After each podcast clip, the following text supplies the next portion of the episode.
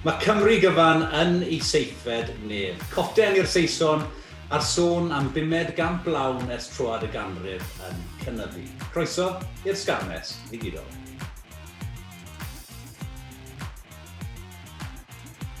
Wel, Nigel ac Elin o'r symuno gyda fi unwaith yn rhagor i drafod hynt a Helen Rygbi Cymru. Siwr i chi, boes?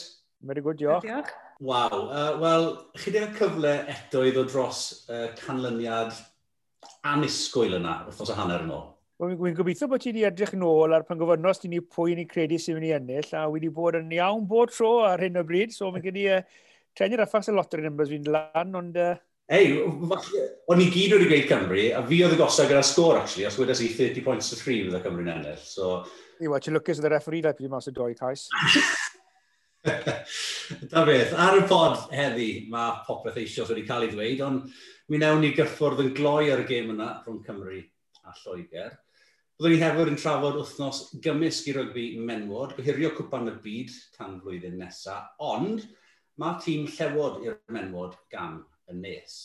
Byddai'n dal lan gydag un o Ser Cymru yn erbyn Lloegr a pin-up Pontyberem, na dim teenage, ond... Ac yn ola, edrych ymlaen at y gêm fawr ddisadwrn yn erbyn yr Eidal. Ond dewch ni ddechrau drwy drafod hynt a helynt, y rhan barthau. Mae wedi bod yn uh, wythnos lawn dop yn yr opera sefon, that is Rygbi Cymru. A'r nwyddio mawr wythnos yma, wrth gwrs, Gleision Cyrdydd yn gollwng yr enw Gleision o'i henw ac yn ailfrandio fel Cardiff Rygbi neu Rygbi Caerdydd. Mae Els, dyw cefnogwyr y cymoedd ddim wedi uh, cymryd at y syniad o gefnogi'r gleision fel, uh, fel yw'r endid ar y funud. Ond wedi gweud hynny, mae e yn cic arall yn y danedd iddyn nhw, yn collen nhw uh, i rhanbarth nhw, Celtic Warriors dros 15 mlynedd yn ôl. Mae gymaint o boblogaeth i gael yna, mae gymaint o dalent yn dod o'r ardal yna. Le mae'n gadael nhw? Ie, yeah, fi'n gwybod, mae fi'n gweld yn gweithio yn ysgolion yn y cymoedd, ti'n bod, mae'r ma, boes a'r merched yna, mae yna gymaint o dalent yna, gymaint o dalent, a does na ddim, does na ddim rhywbeth iddyn nhw anelu ato. Mae yna, ma yna clybiau lleol falle, ond mae yna lot o emosiwn gyda'r clybiau lleol yna, falle tio, mae, mae doi clwb lleol yn cysau i gilydd, so os nag os na lle i chi yn, yn yr un clwb yna, chi ddim yn mynd i fynd i'r clwb yna, so mae yna lot o politics gyda hynna. Um, a fi'n meddwl bod ni'n colli lot o, o chwaraewyr dylentog iawn oherwydd bod na ddim, ddim byd iddyn nhw anelu ato, ti'n ddim byd lan fan hyn iddyn nhw. Dyna pam mae'n bwysig, ti'n i gael y, y, y, y um, sy'n gyda ni o dan y rhanbarthau, i gael hwnna, bod, bod, pobl, bod pobl ifanc yn moyn wario i, i Pont y Pryd, a wedyn os ti'n digon da i wario Pont y Pryd, ti'n cael cyfle fynd i wario wedyn ar lefel eich eila to mae anodd iawn i rhywun pont y Pryd sydd wedi, sy wedi bod yn, yn glwb mor dda dros y blynyddoedd, bod nhw ddim ar y top table fel, fel mai. Yr unig beth wedyn, ni, Rod, yw a, ni, ni methu cystadlu ar y lefel uchela gyda pedwar rhanbarth.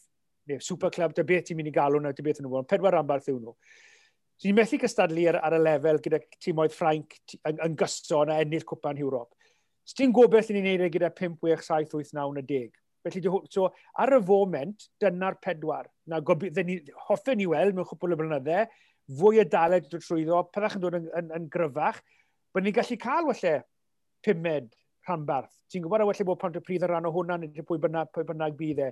Ond wy'n gallu gweld y pwynt a wy'n deall fel mae lot o'r clwbau yma yn, yn timlo, ond yr unig beth ni'n gweud yw, wel, fel, fel affach ni'n mynd i gystadlu ar y lefel Ewropeaidd, ti'n gwybod, neu'r lefel y pro 14. Ti'n gwybod, erbyn Munster Leinster gyda un, gyda 10, 8 neu 6 clwb. Ni'n ni ah. methu wneud e gyda 4. I fi, mae ti'n siarad amdano'r tyrfeidd yna ar arfer ddod i gefnogi'r clybiau. Rhan o'r broblem i fi yw'r pro 14 fel, um, fel cystadleuaeth y gweithwyr. Bydde well dy fi gweld, falle, er mwyn cynnyddu y safon yna yn yr uwch gyngrair, falle 8 tîm yn yr uwch gyngrair, um, sut ti'n gallu gwneud rhan gymaint a phosib o'r chwaraewyr yna um, yn, yn broffesiynol neu'n rhannol broffesiynol. Mae angen rhywbeth yn nhw'n codi safon a rhoi llwyfan i'r chwaraewyr ifanc yna sy'n dod drwy'r system, ond jyst yn diflannu weithiau, sy'n agos lle iddyn nhw yn y, yn y rhan barthau. Jyst er mwyn rhoi y cam yna i, um, yeah, i, i fylchu rhwng um, rygbi enctid a rygbi rhanbarthol. Mae hyn sgwrs allan ni gael drwy'r um, drwy dydd. Fi eisiau symud ymlaen nawr i siarad am um, yeah, y tug of war yma nawr, gan bod ni bod yn sôn, sôn am y gleision, eisiau siarad am ti.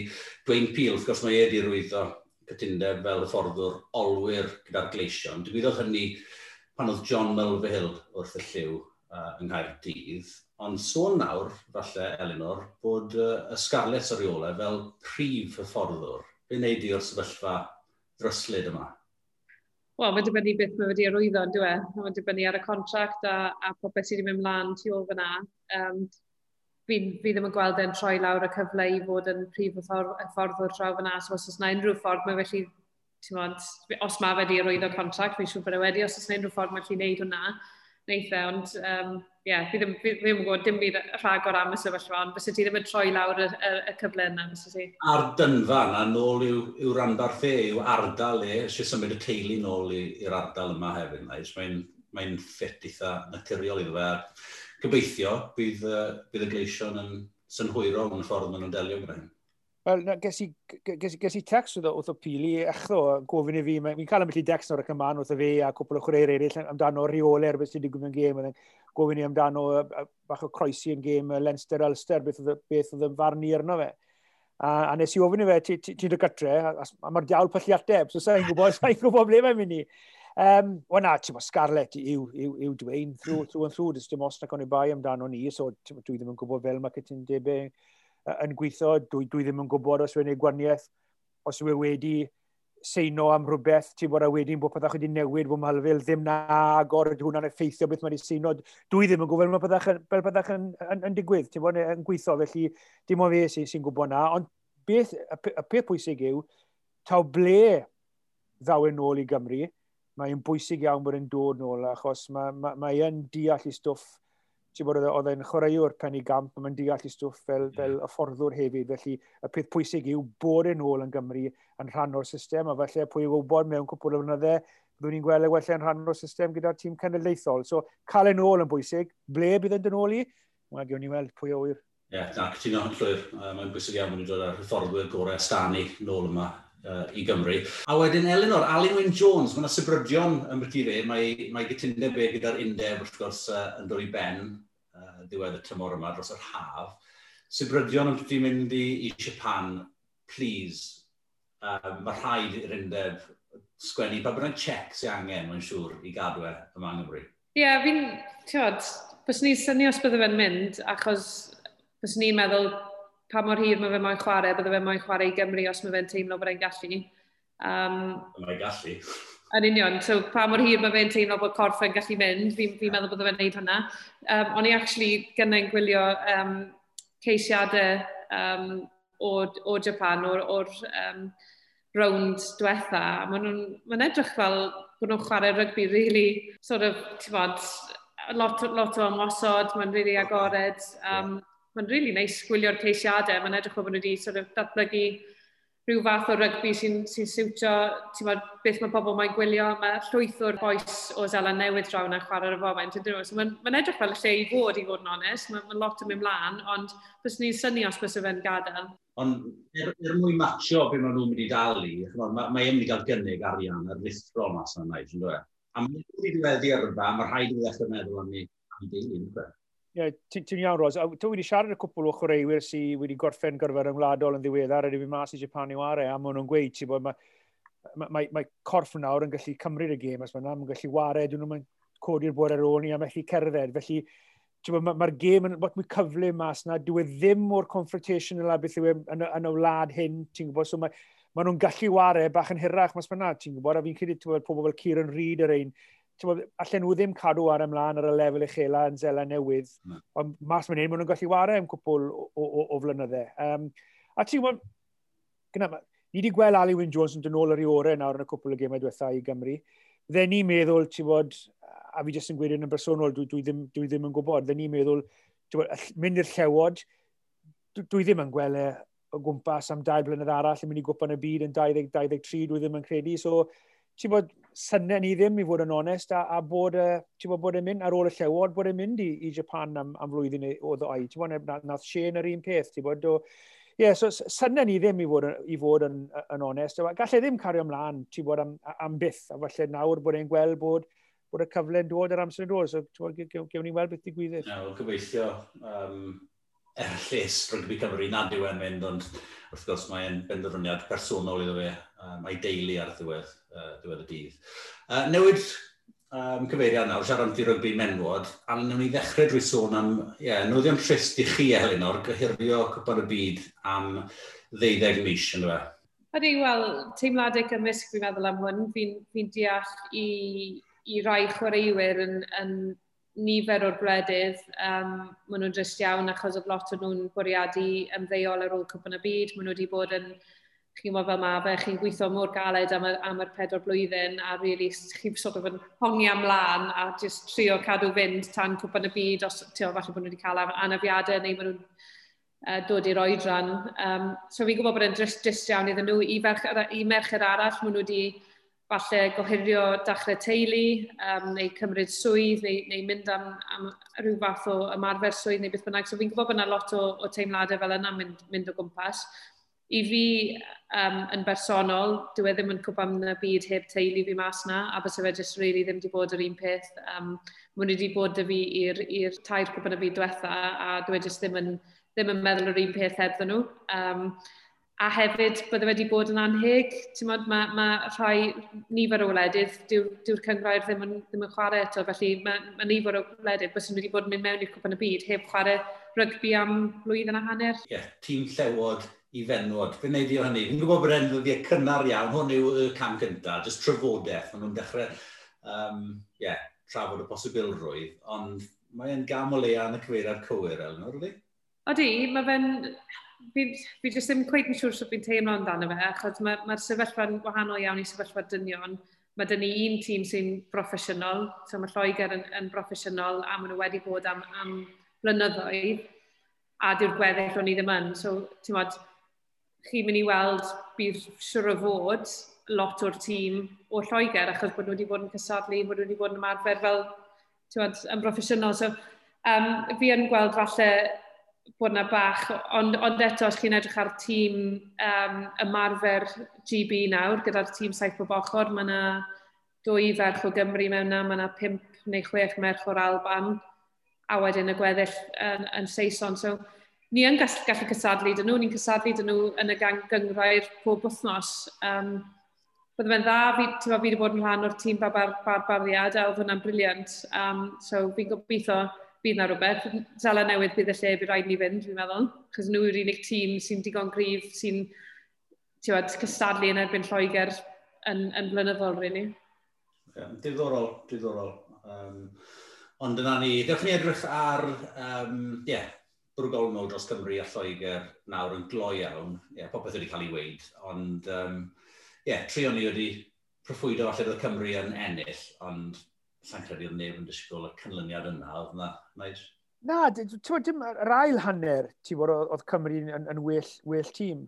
Uh, a mae ma lot o drafodaeth wedi bod amdano'r ddwy gais na, lle mae um, undeb rygbi'r byd, neu uh, rheolwr dyfarnwyr undeb rygbi'r byd a'r dyfarnwr hunan wedi mas a gweud dyl'r ddau gais ddim wedi cael ei roi. So, ti'n bod ti'n edrych nawr ar sgôr o yn lle 24 ar un ar un amser, ti'n edrych ar 24 deg, falle i Lloegr os ti'n edrych arno fe yn y ffordd na, ti'n bod, so mae bod, mae ma, lot, ma lot o'r bethau o, o amgylch yna, ond yn bendant, ti'n bod, fi'n meddwl o'r ail hanner, o'n i'n well tîm. Um, so ar diwedd y gêm, ti'n bod, yn gwbl haeddiannol, a dwi'n credu o neb wedi disgwyl i ni ti wedi ennill o, fel wnaethon ni a gymaint yn ar y sgôr, ond wedi gweud na, ond on ni yn lwcus i gael 14 pwynt, a, a er bod ni'n haiddi ennill yn, yn y diwedd. Ti bod y, diddorol gwylio Lloegr i wedi gwir, yn ware, o'n i'n meddwl pan o'n cael y bel tu ôl, o'n edrych yn siarp, siarp iawn. Se nhw wedi cael fwy o'r bel tu ôl, wff, allai wedi bod y cynlyniad hollol, hollol wahanol. Mae, mae nod, mae, ma fel sy'n cryfder ni nawr yn, yn y blaenwyr ar hyn o bryd, ti'n gwybod, um, a, a Lloegr yn yn siarp iawn, ond gethen nhw'n y bel mas, digon, a mae hwnna lot o, o glod i Cymru am, am atal na i, i ddigwydd, ond ie, um, yeah, o'n i'n haeddiannu ennill, o'n i'n meddwl, ennill o'n i'n haeddiannol, ond um, so bach o look yn yr hanner cynta yna wedi wneud, wedi'n pethach yn hollol wahanol. Oedd yr un, un peth lan yn, yn Twickenham nôl beti dwy dar blynedd yn ôl fi'n credu, pan gath cais Gareth Anscombe ddim i'r hoi, ti'n gwybod? Yeah. Wel, lle bod ni'n mynd mewn doi bwynt i ôl i'r hanner, o'n i'n mynd mewn deg pwynt ar ei ôl i'r hanner. Wel, wedyn pan ti'n ôl mas yr hain hanner a ti deg pwynt i hôl, mae hollol wahanol o fod o doi bwynt i hôl, ti'n mo. So, mae'n mae, mae, mae, mae digwydd i, i bawb, ond uh, na, ti'n bod, um, falch bod i ennill, a, a fi'n credu o'n i yn haiddi fe ar y diwedd. Wel, Norwyd, ti'n mynd drwy drenu dros, uh, dros y Saeson. Ti'n meddwl, ti'n bod, o'n nhw'n... O'n nhw'n edrych yn bryglu, a bod yn deg i nhw, o'n nhw'n edrych yn siarp ofnadw tu ôl y sgram yna. Ond, ie, unrhyw drenu bod nhw wedi... Uh, Um, Ie, yeah, dau gaeth yma. Na, ddim rhieni o gwbl i fod yn onest. Rhieni i'n, un hadu, oedd e wedi cerdded mas, mae fe'n sais, mae fe'n cefnogi nhw yn anffodus. Oedd e wedi cerdded mas a deg munud mewn i'r ail hanner a mynd lan llofft i'w stafell i ystod ffôn. Oedd e'n pwdi. Oedd e'n pwdi. Nath Dwi'n gweddill y gêm, a nath e ddim, ddim darllen sport, uh, tywod, y section y diwrnod wedyn, achos oedd, oedd Lloegr a tîm Pildrod wedi colli. So na, oedd e ddim yn uh, mewn tymed da iawn. Na, fi jyst yn meddwl, ti'n bod, ni wedi bod yn lwcus, ni, ni wedi bod yn lwcus, ond ni hefyd wedi cyf cymryd y cyfleoedd. Ti'n bod, fi'n fi gwybod gethon ni'r sgwrs am cael ymsidi a'i cico fe, a wedi si, bydde fe dod yn ôl a, a cico cofe o chwaraewr yw e, a nath e. So, um, fi'n gwybod, fi'n meddwl mae'r ffaith bod dyn ni nawr um, mainc, mae'n edrych fel bod ni'n neud um, newidiadau i, i cael wahaniaeth ar y gêm, ddim newidiadau os mae rhywun yn dipi gol anna yna neu ddim yn chwarae'n dda. Mae'n edrych fel bod ni'n cymryd pobl off sydd falle dal yn chwarae'n dda, ond ni moyn rhoi person yma ymlaen i newid y gêm. A, a i fi, mae hwnna'n falle bod ni wedi symud mlaen bach o'r blynyddoedd diwetha, diwetha, ble o'n ni jyst yn stico gyda'r 15. Um, so ie, yeah, fi'n meddwl bod hwnna'n cryfder mawr a fi'n edrych mlaen gweld beth allan nhw'n gwneud yn erbyn reidol.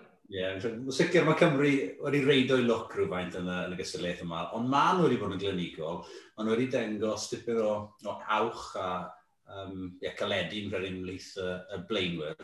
A fel sonies chi fyna, pwy fac o'r tîm y ffordd fi yn, yn neud um, defnyddio'r fainc yn, yn effeithiol iawn. Felly, um, yeah, dyna pam i ni'n iste ar frig y tabl fel ma fi. Yr eidl yw'r gwrthwynebwyr nesaf. Falle nawr i siarad rhagor am y gêm honno nes ymlaen, ond yn gyntaf ges i air yn gynharach gyda un o arwyr tîm Cymru yn erbyn Lloegr mewn o'r Cyrnhadi, a nes i ddechrau drwy ofyn iddo siwr o ddyn gwella o'r anaf yna yw hamstring neu i naid fi, llunin y gar. Ie, yeah, um, mae'n dod, um, mae'n dod slo bach, um, cwbl o ffnosau, erwyr bod wedi digwydd nawr a ni'n ni, ni ôl wneud rehab, um, nôl gyda Scarlett, jyst gweithio'n ffordd trwy ddo na, gobeithio yn y cwbl o thosau nesaf bydd popeth yn well a nôl i ware a nôl i treino. A ti'n gwybod yn syth yn ôl y golwg yn arwyneb bod, uh, bod rhywbeth uh, difrifol i digwydd? Ie, yeah, ti'n mynd sefyd bach. Um, a wedyn, ti'n dydd ar ôl ni, oedd e, ddim lot o pôn na, um, mae'n lli symud yn rwydd, oedd e, e ddim unrhyw signs bod e'n wael. Um, So es i mewn ar y dydd llun wedyn i, i gweld uh, physios, ges i scan yn y bore, a, a nhw'n eitha hapus a popeth, a wedyn doth nhw'n ôl a wedyn nhw, wel, so it's, it's, not, it's not bad, but it's not great. Um, so, yn anffodus, fel y time yn y wael, ond na part o'r game, so um, mae'n bwysig nawr bod fi jyst yn edrych mlaen i'r tro nesaf fi'n camera ar y car.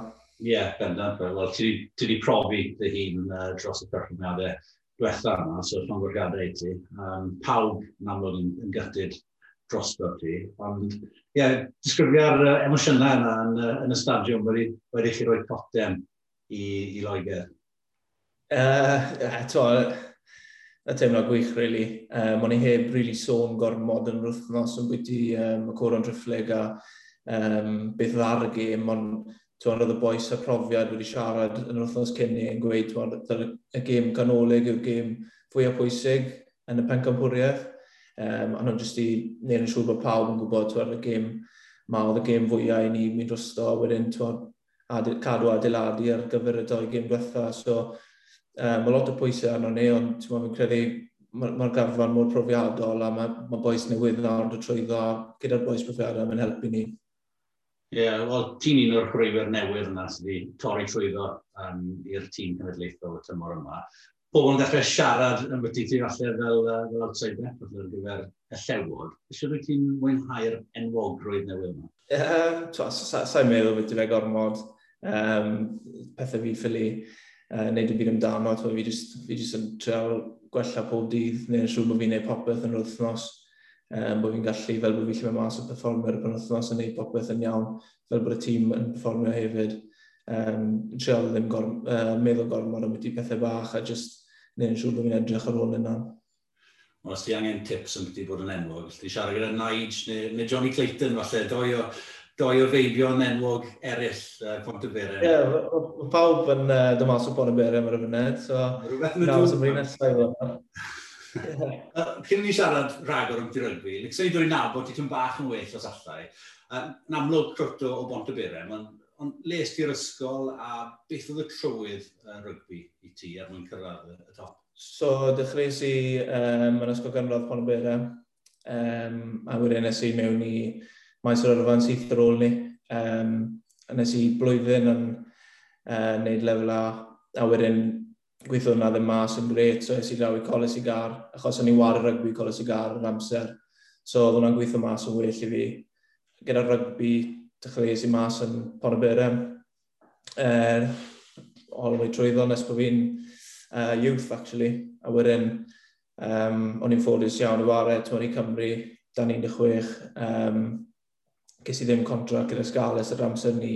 Ys i nôl i ware coleg, uh, cael ei beth o'n i'n neud, a wedyn ges i Ges i wario Cymru dan um, deunaw yn credu, a wedyn ges i galw'n mynd i'r academy wedyn. So, o'n i'n treino pob dydd gyda nhw.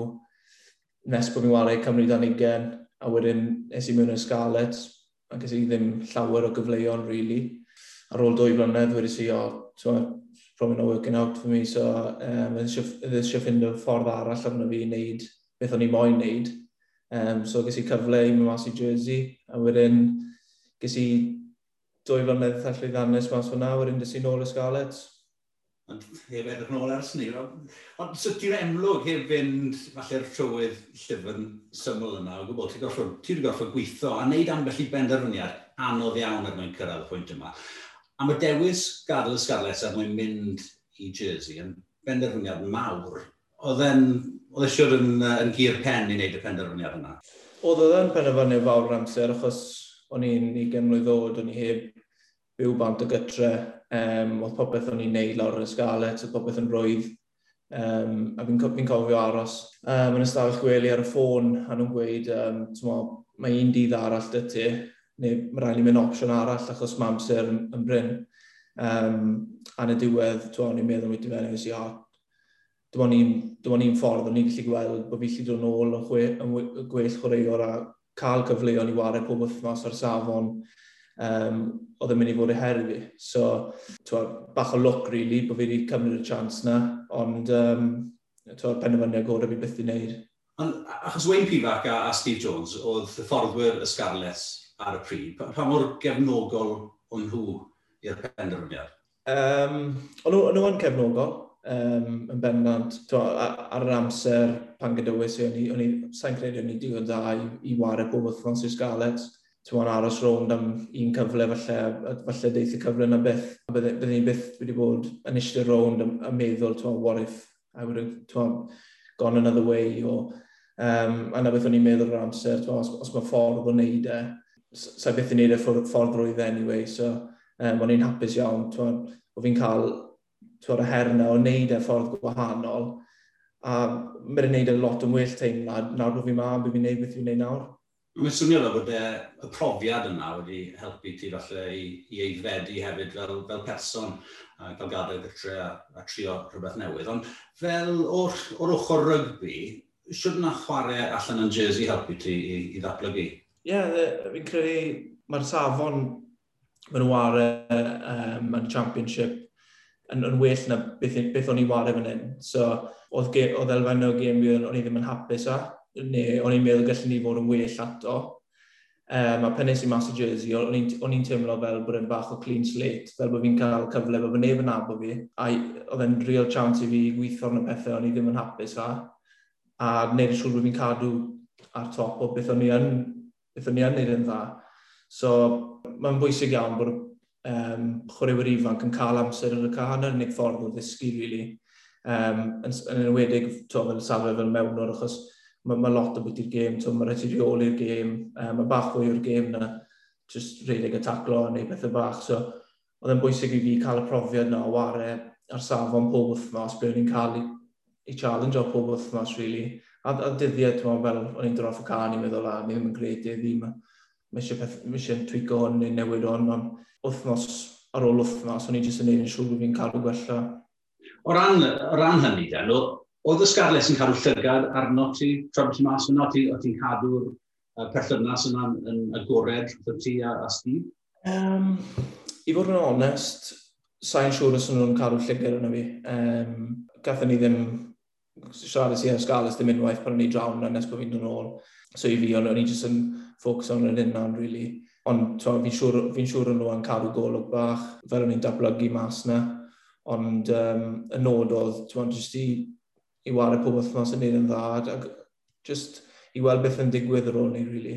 Mae'n swnio fel tipyn o gamble di Cymru, achos falle ti di aros, aros yn, y, yn y comfort zone yna gyda'r Scarlett, so ddim yn gwythio dy hunan. Ond mi yeah. nes, mi nes fi lwyddo, profi dy hunan, dod nôl wedyn, Dwi'n meddwl byddai rhagor o chwaraewyr falle sy'n argyrion carfanoedd uh, y rhanbarthau yma, yn clielwal falle mynd fan, i warau'n llwyddiant? Ie, yeah, fi'n credu gallwn nhw. Um, Twm, yma pwch o'r eir yn safle gwahanol. Um, pan o'n i yn y Scarlets, oedd um, Gareth na, oedd Ale Davies na, a Rodri Williams na. So, oedd tri mewn oedd wedi wario um, rygbi o'r safle uchaf, really. So, o'n i'n aros tu ôl nhw, ni'n gweld boys yn aros Scarlett, a uh, pedwar boi oedd swytha mas i wario i, i clwb arall yn y championship, so mae rai chwaraewyr yn gallu elwa fe, e, uh, dwi'n bod ti'n gallu gwneud y gwaith caled a bod ti'n barod i, i cymryd y risg, um, fi'n credu gallu di dod mas o'r ochr arall fe, wneud yn well.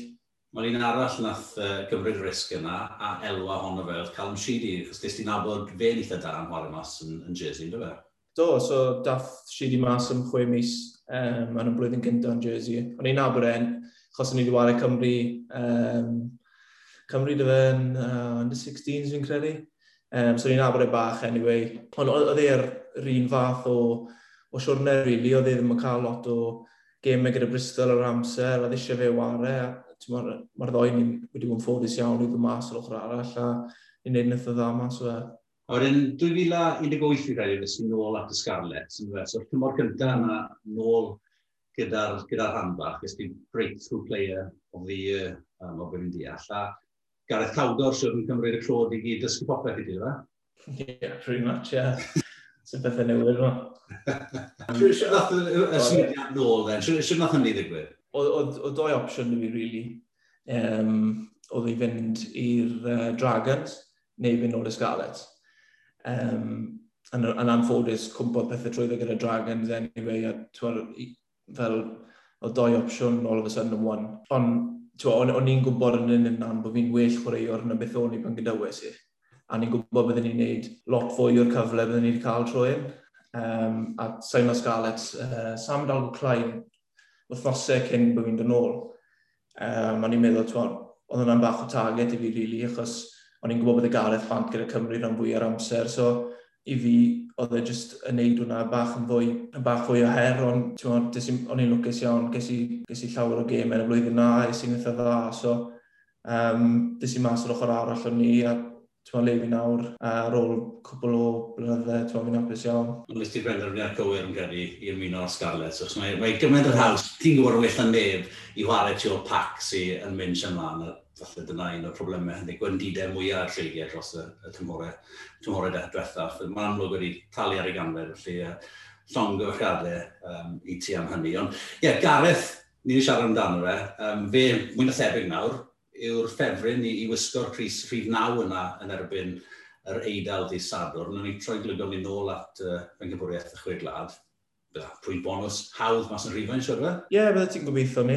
Um, fi'n credu, ti'n bod, mae ma pob gêm yn y gystadleuaeth yna yn mynd i fod yn gêm galed. Um, fi'n siŵr bod y boys wedi sôn digon yn yr wythnos, ti'n bod mae pawb yn gweud, to, dyn ni'n mynd i'r eidl a dylai fod yn gyffwrddus, ond um, ti'n so fe'n edrych yn rwyddach mae mas yna yn neud e. A mae'n ma ma peth hawdd gweud e, ti'n yn, yn meetings a siarad am beth e trwy'r wythnos, ond um, fi'n credu bydd y 20 munud agoriad yna yn eitha, yn eitha corfforol yn y gêm eitha cloi. A wedyn, ti'n mae fel bod Cymru eisiau ni adeiladu pwysau mewn y gêm yna.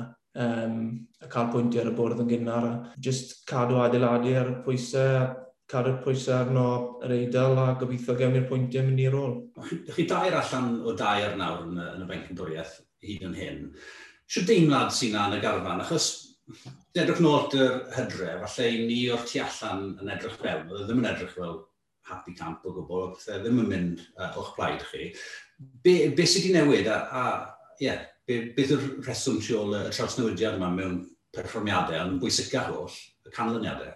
Twr yn y hydref, trad o'n i bendathon ni mewn, o'n i ddim yn hapus o'r perfformiadau a'r canlyniadau fyd ddim yn gred. A, a digon dyn ni'n gweithio arno.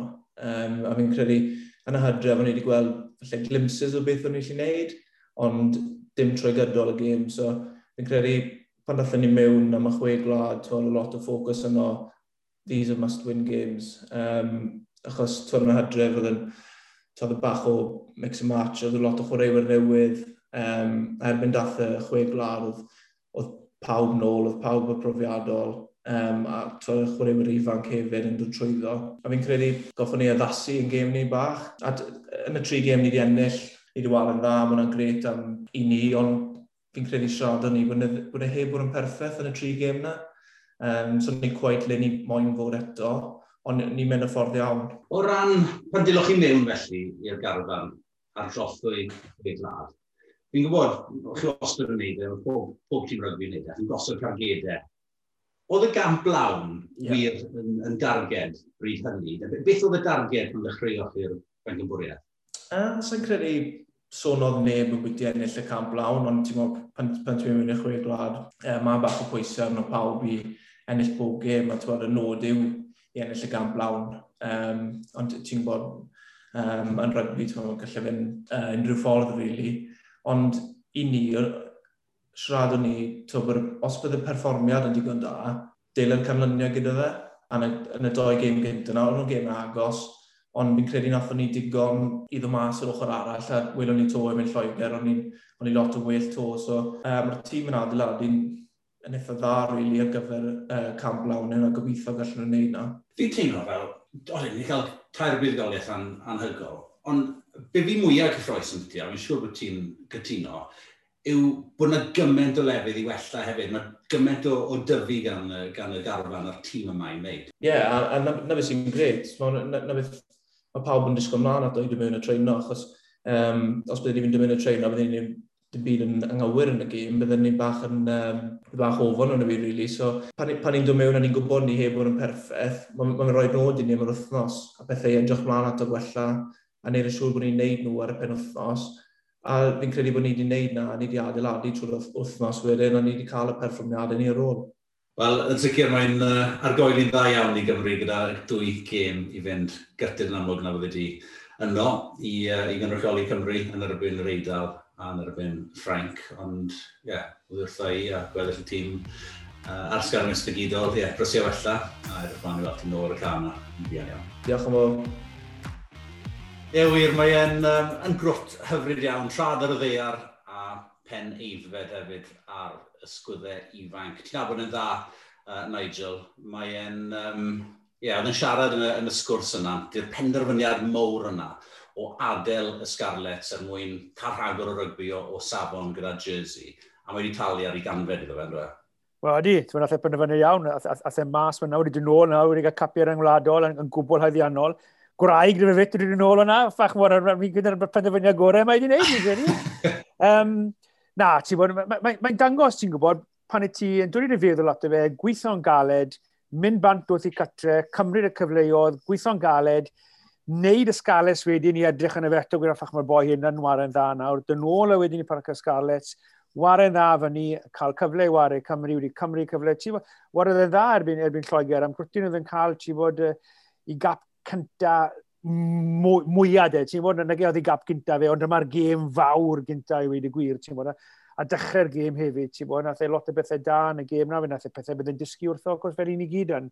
Um, ond ie, yeah, fel ti'n gweud, crwtyn, crwtyn ffein y diawch, ti'n bod, i draw, i nabod i dad yn ffrindiau da iawn gyda, gyda'i dad, a, a gyda'i fam hefyd, ti'n gwybod, oedd i dad yn fewn o'r ofri, Pontebere, mam ar y canolor hefyd, um, Richard Hardy, Um, felly na, fi mor, mor, mor falch dros o fe, ti'n bod, os oes rhywun yn, yn haiddi, mae ma, ma fe yn yn bendant. Ti'n dangos doi draw hwnna nawr, fe. Na fi. Ond Elinor, trwy bod ni'n siarad gyda rili, di um, gymaint o, o chwaraewyr ifanc um, yn gadael. Oedd y safon falle, beth oedd Ciron yn gweud, o, o chwarae yr uwch gyngrair yng Nghymru ddim yn ddigon da er mwyn datblygu, a ddim teimlo bod angen croesi'r ffin er mwyn gwneud hynny. Ydy'n am trend ti'n disgwyl gweld mwy ohono fe dros y blynyddoedd nesaf? Fi jyst yn meddwl bod chi chi cael gymaint o symud i ffwrdd o adre. Um, chi chi datblygu eich hun fel person. Um, chi mod just bod rhywle wahanol, mae rhaid chi sefydlu bywyd newydd, cwrdd o bobl newydd. Os da chi ddim yr, um, yr sort of safety net o fod adre, um, ble chi chi sort of aros yn eich comfort zone i chi. So mae fe'n ma pwysio chi mas a, a chi'n chi, tyfu, unwaith chi mas o'ch comfort zone, chi'n mynd i dyfu fel person a wedyn mae hwnna'n cael effaith wedyn ar siwr chi'n ymarfer a, a pa fath o chwaraewr i chi. So, uh, yn bendant, fi, bys ni ddim yn syni, um, fi'n gwybod bod na, bod na cwpl yn mynd draw i Hapri yn dros ar y foment. Um, Brysta, mae cwpl, ti'n meddwl, Owen Lloyd a Callum Sheedy yn dod trwy Brysta. So, dwi e ddim wastad yn peth, peth gwael i Gymru, tio, os maen nhw'n dod nôl a, a chwarae i Gymru a, a chwarae'r clybiau wedyn. A fi, cyn i beth sy'n ei rodi, mae eisiau ni yw'n y cwestiwn, pam, pam maen nhw'n mynd, ti'n gwybod, pam maen nhw'n gadael chwaraewyr talentog i fynd, ni moyn yn ein clybiau ni'n rhywbarthau ni i fod yn grif, ti'n bod, achos cered i nôl, mae llwyddiant yn bopeth i wedi gwir, na gyfer, cered i nôl i Scarlett O'Mare, La Rochelle, ti'n bod yn rown go gynderfynol yn Cwpan Ewrop, dwy tair blynedd yn ôl, ti'n bod? nos Wener, fi'n cofio, o'n i'n gyrru lan i... O'n i'n gyrru lan i dyfarnu... O'n i'n credu lan yn bath, nid o'n i'n mynd fi'n credu dyfarnu. O'n i'n gyrru, o'n gyrru nos Wener, os o'n i'n dyfarnu diwrnod ar ôl ni. Um, fi'n cofio gyrru o Pontebera, ym lawr trwy Hendi, a wedyn mynd ar yr M4 yn Hendi. A'r traffic, sa ti'n gweld na'n aml, ti'n gwybod bod gêm fawr lawr yn Llanelli. O'n i fyna, o'n i fyna. O ti'n no, oedd y traffic yn... Oedd y traffic yn enfawr, ti'n fawr. Ti'n fawr, oedd y noso na, lle yn llawn, ti'n fawr, pawb yng Nghymru, pyn y ti'n cefnogi'r sgales neu byd o, yn gwylio'r y gêm na. A dyna beth ti, dyna beth ti moyn yn y glybed i ti'n gwybod. Felly, mae'n mor bwysig, mae'n i wedi gweld Ciren Hadi, ddim yn cael y cyfle gyda'r gyda sgales, wedi mynd bant yn ôl, a nawr yn cymeru gyferoedd, ond beth ni moyn, mae eisiau ni, mae eisiau ni gadw'r chwaraewyr bod rhain sydd wedi mynd i Bryste, sydd wedi mynd i Caer Wisg, ti'n bod, uh, nifer y chwaraewyr arall hefyd sydd wedi mynd i Waren Lloegr. Ti'n bod, mae eisiau ni gadw'r talent gydre yma yng Nghymru er mwyn wneud yn clybiau ni fan hyn, yn, yn gryfach yn ein nhw, wedi cael, ei ni cael ennill cwpan Ewrop. Ie, yeah, ond o'r peth, o'n i siarad y ddechrau'r pod yma am beth uh, Cyrdydd yn dweud, falle diffyg llwyddiant um, y rhanbarthau yw un o'r problemau pam nad oes neb yn, yn ei cefnogi nhw. Se, se rhagor o lwyddiant, fi'n siŵr bydde lywer mwy bobl yn, yn, uh, yn dod trwy'r trwy, trwy drysau. Ond um, dewch ni droi yn golwg nawr at uh, y gêm yma ddi Sadwrn. Yeah, Gwyn Pifac a'r tîm hyfforddi yn ddigon hyderus. Maen nhw'n ma nhw wedi enwi i tîm nhw. Doi newydd yn unig. Um, un Gareth Davies mewn yn, yn lle Cyr yn Hadi fel, fel o'n i'n disgwyl. Um, a'r llall, jyst gorffwys Adam Beard a rhoi cyfle i, i Corey Hill. Be fi licio, Elinor, yw bod e'n cadw um, sefydlogrwydd, tîm um, cyson yn ystod y bencampwriaeth yma. Ie, yeah, fi, fi yn surprised. O'n i, on i ddim yn disgwyl, o'n i'n disgwyl gweld bach mwy o newidiadau. Falle, um, o'n i'n meddwl bys nhw'n dechrau sydd i fel dig, bod fi siarad amdano fe lot ar y pod yma, Ond o'n i'n meddwl bys nhw'n nhw wneud hwnna. Um, a falle Johnny Williams yn y canol. Um, ond ar y llaw arall, mae rhaid i edrych ar, wel, mae, mae John Davis yn dod nôl o anaf a mae, mae angen amser iddo fe chwarae, sedlo mewn i, i chwarae deuddeg yn lle yr 13, so ti'n meddwl, fi'n lli gweld pa maen nhw'n gwneud hwnna, a fi'n meddwl mae Prifac siwr o fod moyn, maen nhw dal ddim wedi perfformio mor dda maen nhw'n gallu, maen nhw wedi ennill y gemau sydd wedi bod yn gret, ond maen nhw dal lot mwy wella, felly mae'n edrych fel bod e'n gweld hwn fel cyfle, i rili really wella'r perfformiad. Cael y cynlyniad yn amlwg, ond gwella'r perfformiad fel tîm a falle wneud pethau maen nhw wedi bod yn trio wneud yn ymarfer, rili really cael nhw mewn, mewn i'r gym. O'n i mor agos i'r gamp llawn nawr, ac nes i'n mynd mas i'r reidol fyna wedi newid gormor a colli. Fi'n gwybod y pawb yn gweud pam oedd yn newid y tîm, felly uh, ti'n mynd mae'n balans anodd i, i gael i, i Wayne Pivac. Beth fi'n credu mae'n ti gofio hefyd, Lenny, yw dwi'n chwarae, wedi chwarae gymaint yna o rygbi Lenny. Ti'n gwybod, na mae'r yn byd, mae wedi bod yng nghanol popeth rhain ni. Mae fe wedi bod un o chwaraewyr gorau Cymru rhain fi'n credu, a mae e wedi dod i, i gorff na, ti'n bod yn bob gêm. Felly, ti'n bod fi'n cyd deall nawr, ti'n bod Cwr Hill yn dod arno, mae'r yn dda, fi'n lloegr cael cyfle, Adam Beard yn cael gorffwys. So, fi'n cyd deall gorffwys Adam, Adam Beard. Ti'n bod pobl Alan Wyn Jones, dwi ddim wedi wario lot o rygbi lini, so bydd y boes na moyn wario. So, mae Callum Sheed yn arbennig o dda pan dath arno, ni wedi gweld e gyda pobl fel Wilkinson, Carter, y boes mae i gyd pan nhw'n dechrau, ti'n bod, yn dechrau fel yddion, ware bach, dod arno, wedyn cael y cyfleoedd nes mlaen. Felly, um, ti'n bod fi'n credu bod e'n eitha synhwyro fyna fi'n credu. Ti'n bod wedi pigo Gareth Davies a a bigar y profiadol iawn yn rhif 9 a 10, a wedyn cael ymsidi i wella dod arno wedyn. Wella, dod arno bach yn gynt wella tro ma, ti'n bod, os bydd y mae'r sgôr yn edrych fel y byddech chi gyd, ti'n bod. Um, felly na, fi'n fi credu bod yn gwneud y peth iawn, fi'n credu, i, i fod yn onest, achos ti'n bod ti'n mynd mewn wedyn gobeithio i'r gêm am, am y gamp lawn, ti'n bod, gyda grŵp o chwaraewyr sy'n nawr wedi ennill pedwar gêm gyda'i gilydd yn hyderus yn gwybod bod gyda ti chwaraewyr ar y fainc hefyd sy'n gallu dod arno um, a, a wneud y job hefyd. Felly, na, bydden, bydden, yr unig beth falle bydden ni wedi wneud yn wahanol yw bydden ni wedi rhyddhau Jonathan Davis nôl i'r sgales wrth ystwetha i gael, i gael gêm, ti'n gwybod? Dwi e ddim wedi wario, wario dde beth, 50 munud falle er, erbyn Lloegr, a dwi wedi wario bach iawn o rygbi, ti'n gwybod? Pa mae ar ei orau, mae gyda'r gorau yn y byd. Even sydd wedi cael hanner, ti'n gwybod, um, ond na, ti'n gwybod, wedi, wedi pigo'r tîm iawn, wi'n wi, wi credu. Dwi'n licio bod na, bod yna opsiynau, a fi'n credu allai dyna cryfder, o siarad gyda boes y sy'n abel yn dda, cryfder mwyaf i'n pifac yw cael y gorau allan o'i gwreidwyr. A fel oedd naeth yn sôn fyna, di'r ffordd mae e'n raddol yn meithrin um, Sidi. Falle fe yw'r bachan fydd yn cymryd y Cris rhyw deg na, mhen ychydig fisiodd, mhen, wel, falle, falle dros yr haf o'r daith, daith Cymru yn ystod yr haf, ond mae'r ma, ffordd mae'n datblygu chwaraewyr ac yn cael y gorau allan ohonyn nhw yn, yn, yn, yn dipyn o sgil yno. Ydy, a nath ni weld yn neud e y Rhys Amet dros yr hydref, yn dod e? oedd pawb moyn iddo fe roi roi y syth mewn i'r tîm a dechrau fe a, a, a gweld yn, yn chwarae yn yr hydref, ond nath yr un peth fyna a wedyn... Nath yr un peth gyda Hardy hefyd, ie. Yeah. Do, a Hardy, a mae'r ddoi o nhw nawr, do, maen nhw wedi cael profiad o, o fewn y garfan, maen nhw, wedi, maen nhw wedi cael profiad o beth mae fe fel yn chwarae'n rhyfladol, a maen nhw nawr yn barod i, i wneud y camlan a, a dechrau. So, ie, yeah, felly gweld yna, a mae'r ma safle, ti'n ma, rhif deg yn un allweddol reili o ran rheoli gêm, a mae'r rheoli gêm yn rhyngwladol yn gwbl wahanol i rheoli gêm uh, clwb. Felly, ti'n modd, ie, yeah, felly gweld yn union pan bod e'n ei wneud e. No, e. gan bod ti wedi sôn am Rhys Summit yna, fi jyst eisiau gweud, um, yes, dim dadleuaeth rhagor, so fe mae'n gloiach o lywer na Johnny May. So dyna ni. Reit, yn greu bod ni gyd yn gwybod, wel, yn, uh, yn cytuno pwy yn y llyth y gêm yma, ddi Sadwrn, felly dewch, uh, dewch o sgôr i gyda'n. 54 i deuddeg, 14-12. Real Totten, ie. Yeah, Dyw'r eidl falle ddim yn lle da ar y funud, ond mae'n sgôr obeithiol e, ydy e, um, Nigel? Ti'n bod, dwi'n mynd credu bod efo'r yn onest i ti, na, achos fi'n gallu gweld, ti'n bod, sy'n Cymru cael bach o bel, ti'n bod, Rhys Amit, yr ein yn cael y bel, George North, a ffach gallai fe fod yn ddiwrnod hir iawn i'r reidal. Beth fi'n credu mae'n rhaid i Gymru neu, mae'n rhaid i fynd na, a chwarae fel sy'n chwarae efo'n Ffrainc. Dim mynd na credu, ti bod o, ti bod ni'n mynd i fydd i hon yn rwydd, pyrnu wedyn mae pethau chi'n mynd go, go, go wyth. So, os ewn nhw'na gyda'r myfyddryd iawn, a reoli pethau, a wedyn agor i mas, ti'n bod, ie, yeah, dydyn ni'n gweud, bydd i lan y byti 40 ydyn ni'n meddwl, 40, a fi am byti 48, 22 i fi.